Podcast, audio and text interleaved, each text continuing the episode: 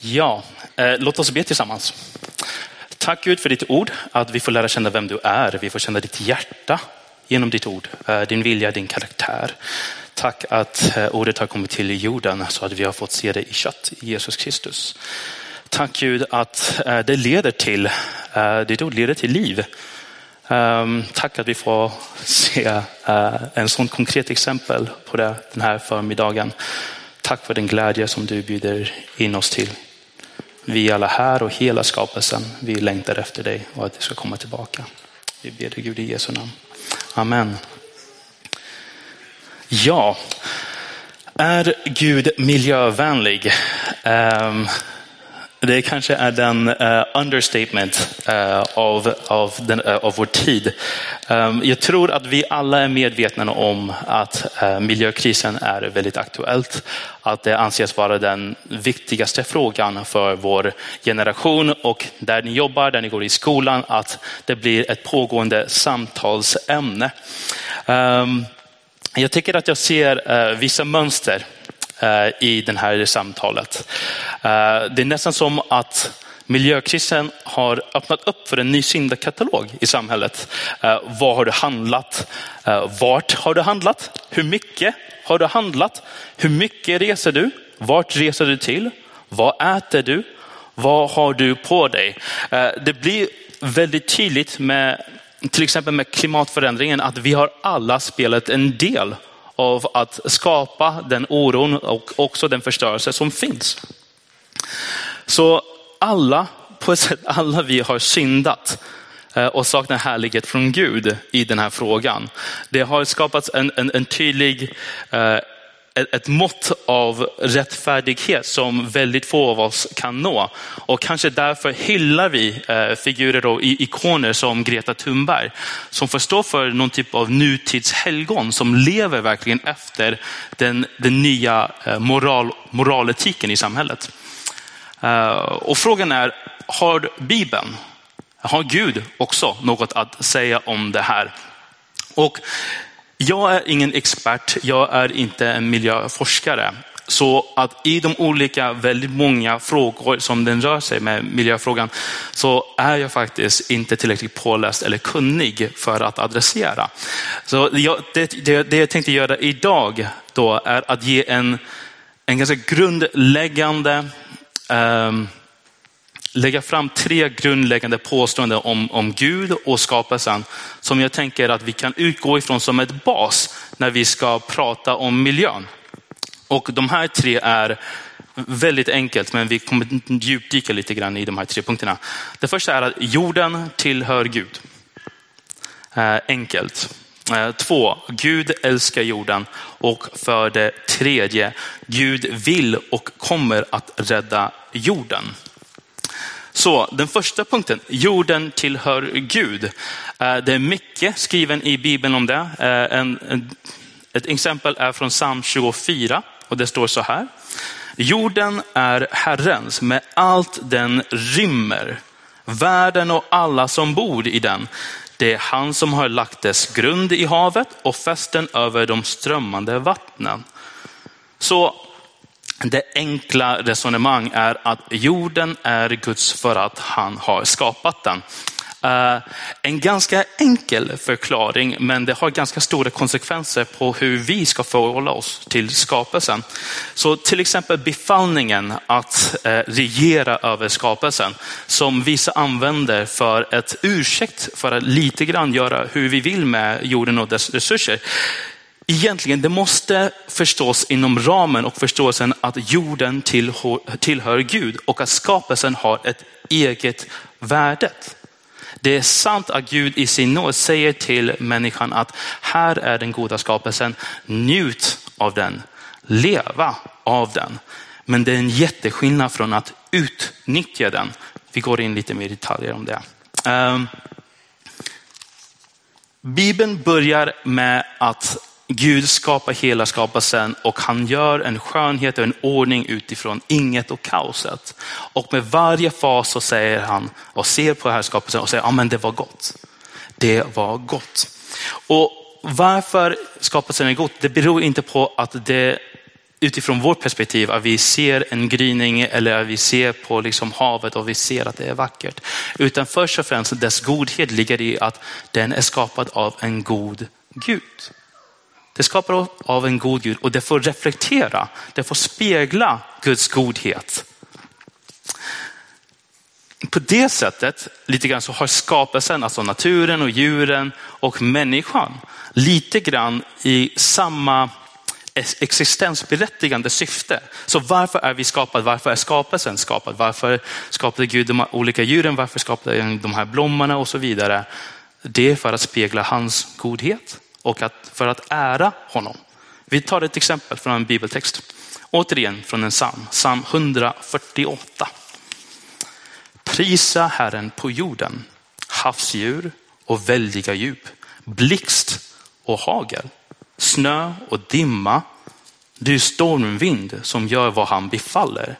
Alla höjder och berg, alla fruktträd och cedrar, vilda djur och boskap, kräldjur och flygande fåglar, alla jordens kungar och folk, alla dess förstar och domare, ynglingar och flickor, gamla och unga.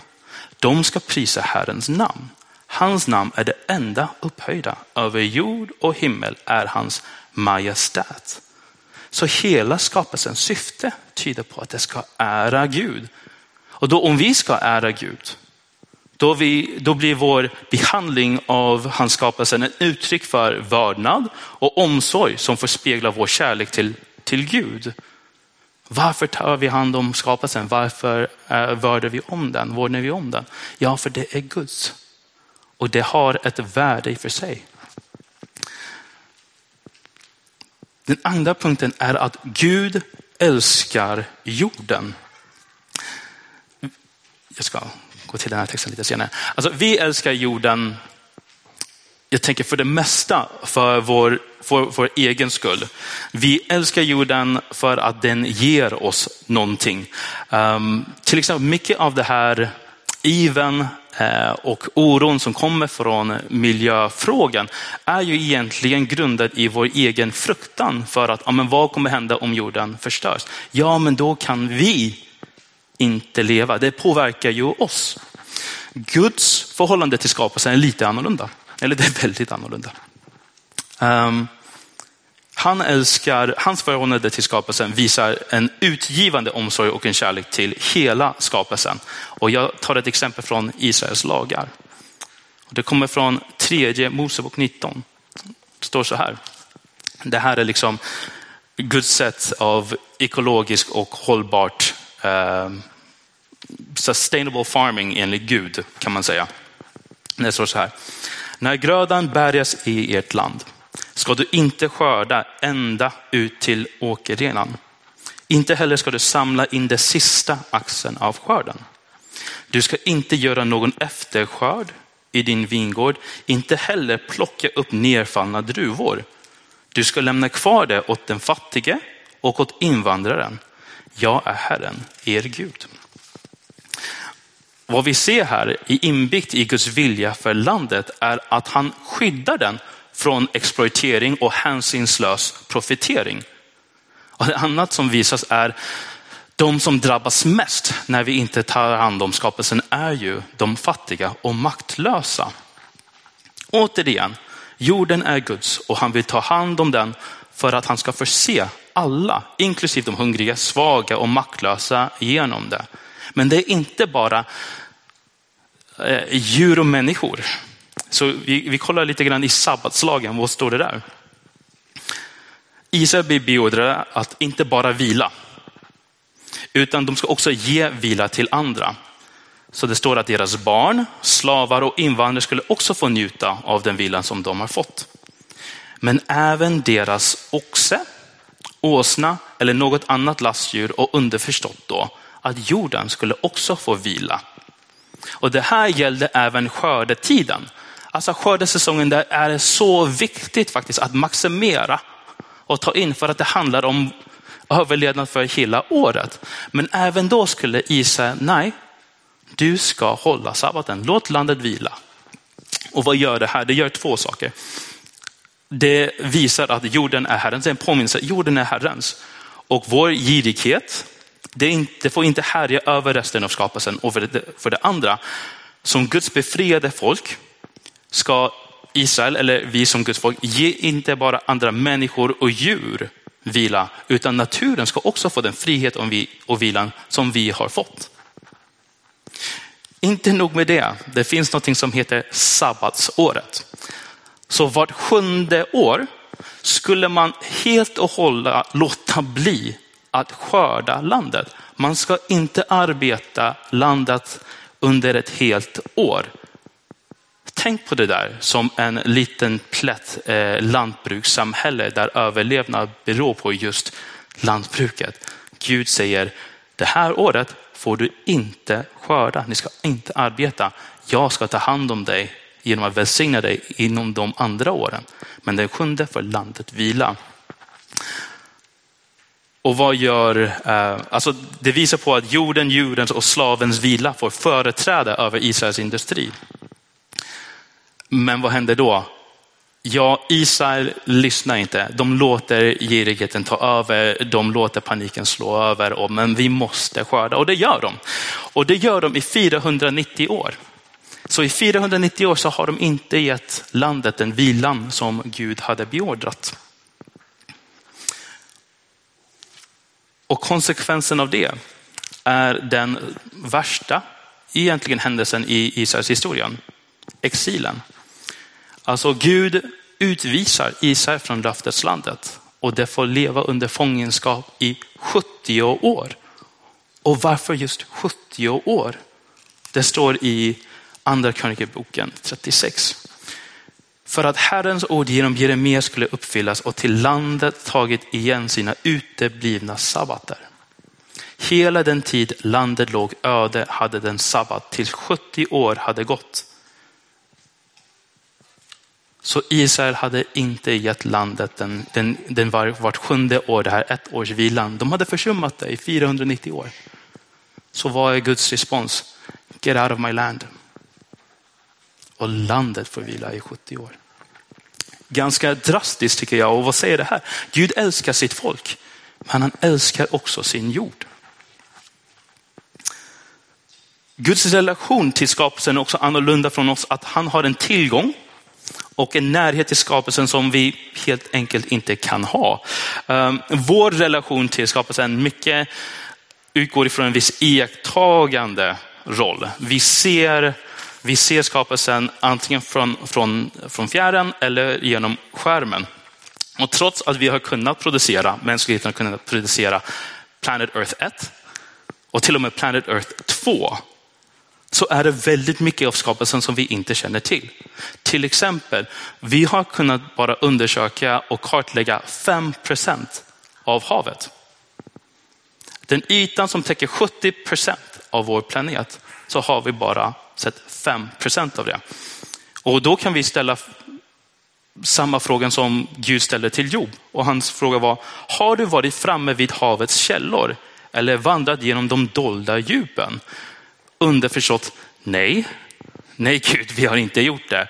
Och också, aha Gud, du har tydligen gjort det. Jaha.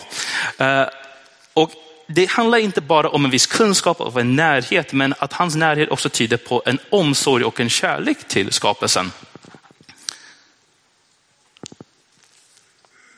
Jag läser vidare från samma kapitel från Job, eh, det är 37 tror jag. Eh, Vem skaffar mat åt korpen när dess unga ropar till Gud och skriker av hunger? Förstår du hur stenjätten föder? Övervakar du hindens kalvning? Räknar du månaderna för deras dräktighet? Vet du när det är dags för dem att föda? Och det är inte bara djuren som ropar ut efter Guds försyn. Han fortsätter. Vem öppnar rännor för störtregnet och bestämmer åskvädrets bana? och låter det regna över folktomt land. Notera, över öknen där ingen människa bor.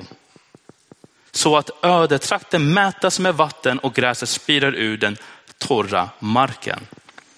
Vad visar de här texterna? Ja, det visar på en moderlig kärlek till skapelsen, till hela skapelsen. Jag räknar inte till en liten get ska föda fram. Det gör Gud. Jag lyssnar inte till korpungarnas skri. Han lyssnar, han hör och svarar. Gud mätte den torra marken bara för att se den här lilla grässtrået växa fram. Det är en detalj i hans kärlek. Det är en omsorg och en närvaro som, som häpnar mig. Den, den bryter sönder den här myten av skapelsen som någon typ av klockverk som Gud har skapat och låtit det rinna själv. Det är inte en biblisk bild av skapelsen eller Gud. Den bibliska bilden visar att Gud är så närvarande och kärleksfullt i alla de här små detaljerna som för oss är, vi ser inte, vi bryr oss inte. Men Gud, han gör det. Den här bilden av eh, Gud som förser hela skapelsen och hur skapelsen vittnar om Guds kärlek och omsorg. Det är någonting som var självklart för Jesus. Se på himlens fåglar. De sår inte, skördar inte och samlar inte i lador. Men er himmelska fader föder dem. Se på ängens liljor, hur de växer. De arbetar inte och spinner inte. Men jag säger er, inte en Salomo i all sin prakt var klädd som en av dem. Så för Jesus vittnade skapelsen väldigt tydligt om Guds kärlek. Och kanske den mest tydliga, oj, så, eh, exempel på Guds utgivande kärlek till skapelsen är Johannes 3, 16 och 17 som vi läser väldigt mycket kring när vi tänker på mission. Och det står så här, så älskade Gud världen att han utgav sin enfödde son för att var och en som tror på honom inte ska gå förlorad utan ha evigt liv. Gud har inte sänt sin son till världen för att döma världen, utan för att världen ska bli frälst genom honom. Världen, alltså kosmos, alltså hela det skapade och allt som bor i den. Det är det som Gud älskar, det är det som ska räddas. Och det tar då mig till min sista punkt, eh, vilket är att Gud vill, kan och kommer att rädda jorden när man pratar om, ehm, eh, när man lyssnar lite grann noggrant till miljö, miljöfrågan och hur det diskuteras, så jag, jag, jag, tycker att jag hör en viss evangeliet där som kommer upp och, och det, det, går ungefär så här. Um, vi vill rädda världen för att, eh, eller vi har i princip förstört världen. Vi har förstört jorden och eh, vi måste omvända oss, vi måste ändra på oss, vi måste göra förändringar för att rädda världen. Annars är det kört för hela mänskligheten. Det kanske är en överdrift. Men jag tycker jag ser ändå den typen av ton, den typen av tankesätt och tyvärr den typen av falsk hopp som läggs på, på människan.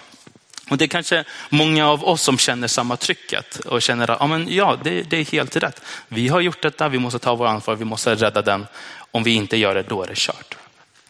Problemet då är att eh, den skiljer sig ganska märk, anmärkningsvärt till Guds evangelium. Den kristna berättelsen. Um, ja, jag, jag tror att vi kan hålla med grundproblematiken. Att vi står alla skyldiga till det som har påverkat jorden. Um, på det sättet har miljöfrågan lyft upp en fråga om synd och, eh, och den kollektiva synden som vi är alla delaktiga i att förstöra och, och, och ha destruktiva konsekvenser. Eh, det har blivit aktuellt. Eh, problemet då är att mer kunskap, mer studier, mer vetenskapliga undersökningar eller till och med mer skuld. Det har inte, det har inte påverkats och det har inte förändrat människan eller, eller jorden. Eh, uh, Greta Thunberg uh, en gång jämförde uh, klimatförändringen och den situationen som att leva i ett brinnande hus. Vi lever i ett brinnande hus, vi måste göra någonting. Och, eh, oh, en tissue, det var tissue. Eh, Eh, och sen så eh, var en journalist som sa till henne, förstår du inte vad du orsakar? Om du pratar på det här viset, det kan orsaka en, alltså det kan skapas en panik i världen. Ursäkta. Um, och här var Greta Thunbergs svar. Oroa er inte. det är lugnt. Jag har gjort det här förut och jag kan lova er att det inte kommer leda till någonting. I den här uppgivna svaret eh, och frustrationen, eh, jag tycker ändå se en viss insikt om att ja, det finns en djupare problematik. Och det handlar om själviskhet och girighet. Och det kan inte eh, forskning och data kommer inte förändra människans hjärta. Och det kommer till att den kristna synsätt på den här krisen säger att det här är ytterst ett andligt problem. För vi säger att människans själviskhet är ropad i människans bortvändhet från Gud, från sin skapare. Det är avskildheten från Gud som avtrubbar människan, som vi får se i den typen av apati eller kärlekslösheten när det gäller till exempel miljön. Guds lösning på det här. Det har inte varit fler studier, det har inte varit fler lagar, det har inte varit att skuldbelägga. Det har inte funkat. Utan Guds lösning till det här har varit att visa sann kärlek, att ge sig själv till människan för att bryta henne loss från själviskhetens grepp och återkoppla henne till Gud. Bibeln säger och evangeliet säger att det är föreningen med Gud inte mer kunskap, inte högre moralkrav, inte heller till och med en pressande Eh, världssituation som skapar förändring som behövs för att förnya eh, människan. Utan det är Guds kärlek. En annan avgörande skillnad mellan evangelium, eh, Guds evangelium är att hoppet om räddning riktas till Gud och inte till människan. Hoppet om räddning riktas till Gud. En, en basic tema som vi ser genom Bibeln är det här. Människan har ett problem, människan ropar till Gud, Gud griper in och räddar människan. Det ser vi gång på gång igen. Men det är inte bara människan som ropar till Gud för räddning, utan det är hela skapelsen som ropar. Så vi kollar på en text från Romarbrevet 8. Det står så här. Allt skapat har lagts under tomhetens välde. Inte av egen vilja, utan på grund av honom som vållade det. Men med hopp om att också skapelsen ska befrias ur sitt slaveri under förgängelsen och nå den frihet som Guds barn får när de förhärligas. Vi vet att hela skapelsen ännu ropar som i födslo och våndor. Det är inte till människan som skapelsen ropar efter, utan skapelsen vänder sig till Gud. För skapelsen vet människans track record så att säga. Skapelsen liknas med en, en, en mamma som, som genom smärta och genom längtan ropar så att nytt liv ska födas. Det ropet riktar sig till Gud. Det är skapelsens längtan. Så skapelsens hopp, så som vårt hopp, det finns i en framtid där Gud griper in och en glimt av den här framtiden får vi se Eh, i Uppenbarelseboken där Johannes får en fantastisk vision av framtiden som är ändå ganska svårt att förstå. Men vi lyfter upp de här texterna. Och jag såg en ny himmel och en ny jord. Till den första himlen och den första jorden var borta och havet fanns inte mer. Och jag såg den heliga staden, den nya Jerusalem, komma ner ur himlen från Gud redo som en brud som är smyckad för sin man. Och han visade mig en flod med livets vatten, klar som kristall, som rann från Guds och Lammets tron. Mitt på den stora gatan med floden på ömse sidor stod livets träd som bär frukt tolv gånger om året och ger sin skörd varje månad. Och, trädet blad, och trädets blad är läkemedel för folket. Visa har tolkat de här texterna att mena att Gud kommer att göra sig av med jorden. Att ersätta det med något annat. Och det har lett tyvärr till en låt det brinna passivitet eh, i förhållande till skapelsen som inte alls hänger ihop med vad resten av Bibelns berättelsen säger om Gud som skapare och skapelsen. Och absolut, det hänger inte med med vårt gensvar att ära ära skaparen med en vördnad för skapelsen. Andra istället har översatt och, och tolkat den här texten att Att syfta på förnyelsen.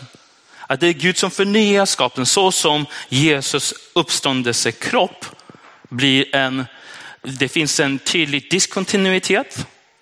Fast det är på något sätt hans kropp som blir uppstånden. På samma sätt att här får vi se skapelsen. Att det som är förgängligt, det som har kommit in i synden, att det inte längre finns kvar. Och att hela skapelsen får ta emot från Gud den eviga boning. Det som, är, det som har blivit förlorad. Till exempel så har vi havet. Och det står att havet ska vara borta och det, det kan vara en frågetecken för många av oss. Och havet här syftar på eh, kaosmakterna. För havet i den tiden handlade om någonting som var oberäkneligt. Vi vet inte var det kommer ifrån, vi vet inte hur det kommer reagera. Och i uppenbarelseboken, det är själva där draken kommer ifrån, det är från havet. Så det får symbolisera de makterna i världen som inte underordnar sig Guds vilja. Det som är rebelliskt. Det är det som är borta. Det är det som Gud tar bort. Så kaosmakterna finns inte längre i den nya skapelsen. Istället får vi bild av en flod. Och en flod som är så helt lydig och jämn i sitt flöde och underordnad Gud. Vi ser inte ens vågorna, utan den är rent och stadigt som en kristall. Så det är helt stillsam. Och vad gör den? Den flödar från Guds tron och det ger skapelsen liv och det ger människan läkedom. Alltså vad är det som vi får se? Vi får se den goda skapelse som vi ser i den första början av Bibeln bli upprättad i slutet av Bibelberättelsen. Så det kristna hoppet är det här, är att räddningen berör hela skapelsen. Det är en framtid där himlen får komma ner till jorden och förnya hela skapelsen. Det är Gud som upprättar jorden och vi tillsammans med allt skapade får rikta vårt hopp och längtan efter hans räddning. Vårt budskap till världen blir ett holistiskt evangelium. Det här kanske är tråkigt för er som tänkte att himlen skulle vara en kroppslös, ut i rymden, så här varande i, i lovsång. Det kommer väldigt mycket vara en kroppslig och jordisk evig tillstånd. Det kommer vara en upprättelse och det kommer vara en härlighet som vi kan inte ens föreställa oss. Det är det kristna hoppet. Så för att sammanfatta. Jorden tillhör Gud för han har skapat den. Den är god för att den vittnar om Guds godhet och ger honom ära. Gud älskar jorden och allt i den med en självgivande kärlek som vi inte kan ens föreställa oss. Och det är Gud som vill och kommer att rädda hela världen och upprätta den till härlighet. Så vad innebär det för oss som en församling och som Guds folk? Om vi älskar Gud så kommer vi leva på ett sätt som värnar om hans skapelse. Och vi ska bara bekänna med vårt levnadssätt, att jorden inte är vårt, utan det är Guds och vi ärar Gud med den. Vi ska se till att den goda jorden är för att möta alla med Guds försyn och leva på ett sätt som tänker på de som är fattiga, de som är svaga och till och med tänka på skapelsen själv, för det har ett eget värde. Vi ska tillsammans med hela skapelsen rikta vårt hopp till Gud. För att det är Gud som kommer upprätta världen med en skönhet och härlighet som är omöjligt för människan att åstadkomma. Eller ens begripa. Och om vi ska vara trovärdiga i den här bekännelsen så tror jag att vi som Jesus följare måste faktiskt rikta våra liv till en faktiskt mer radikal miljösyn. Um, det kanske var lite otippat att jag skulle sluta med. Um, jag tror utifrån, när människan ser hur församlingen och hur vi som lever, utifrån ska det synas som, oh, han är en miljöaktivist, han är en miljövän. Okay. Den stora skillnaden är det här, och det, det är tre saker. Den stora skillnaden är motivation, vart vi riktar vårt hopp och målet vi ser framför oss. Så vår motivation kommer inte vara skuld. Vår motivation är inte panik, det är inte en frälsarkomplex eller, själv, eller uppnå någon typ av självrättfärdighet i vår liksom gemenskap. Utan för att vi ärar Gud. Och det, jorden är Gud, så vi vill ära Gud genom att älska den och ta hand om den. Vi kommer att rikta vårt hopp till Gud och veta att det vi gör ändå syftar i ett hopp att Gud en dag kommer att komma tillbaka och upprätta allt det här. Och det är inte min förmåga att rädda eller rätta till skapelsen till den härligheten som den har förlorat. Och för det tredje är det målet vi ser. Vi, vi siktar och vi, vi, vi, vi söker och längtar efter den skapelsen med en härlighet. Med en härlighet av himmel som kommer ner till jorden. Som är helt bortom vår fantasi. En längtan som jag har till exempel är att bara smaka på en frukt i nya skapelsen. Jag har ätit mangos och papayas i Malaysia när det var säsong. Och det var den godaste jag har ätit. Kan du tänka dig vad det kommer att smaka när Guds härlighet får fylla jorden och allt det förgängliga är borta. Det är bara en, nu snackar jag om att äta frukt i den nya skapelsen. Okay? det är den lilla är vad Gud för, har för oss och för hela skapelsen. Um, jag tänker att eh,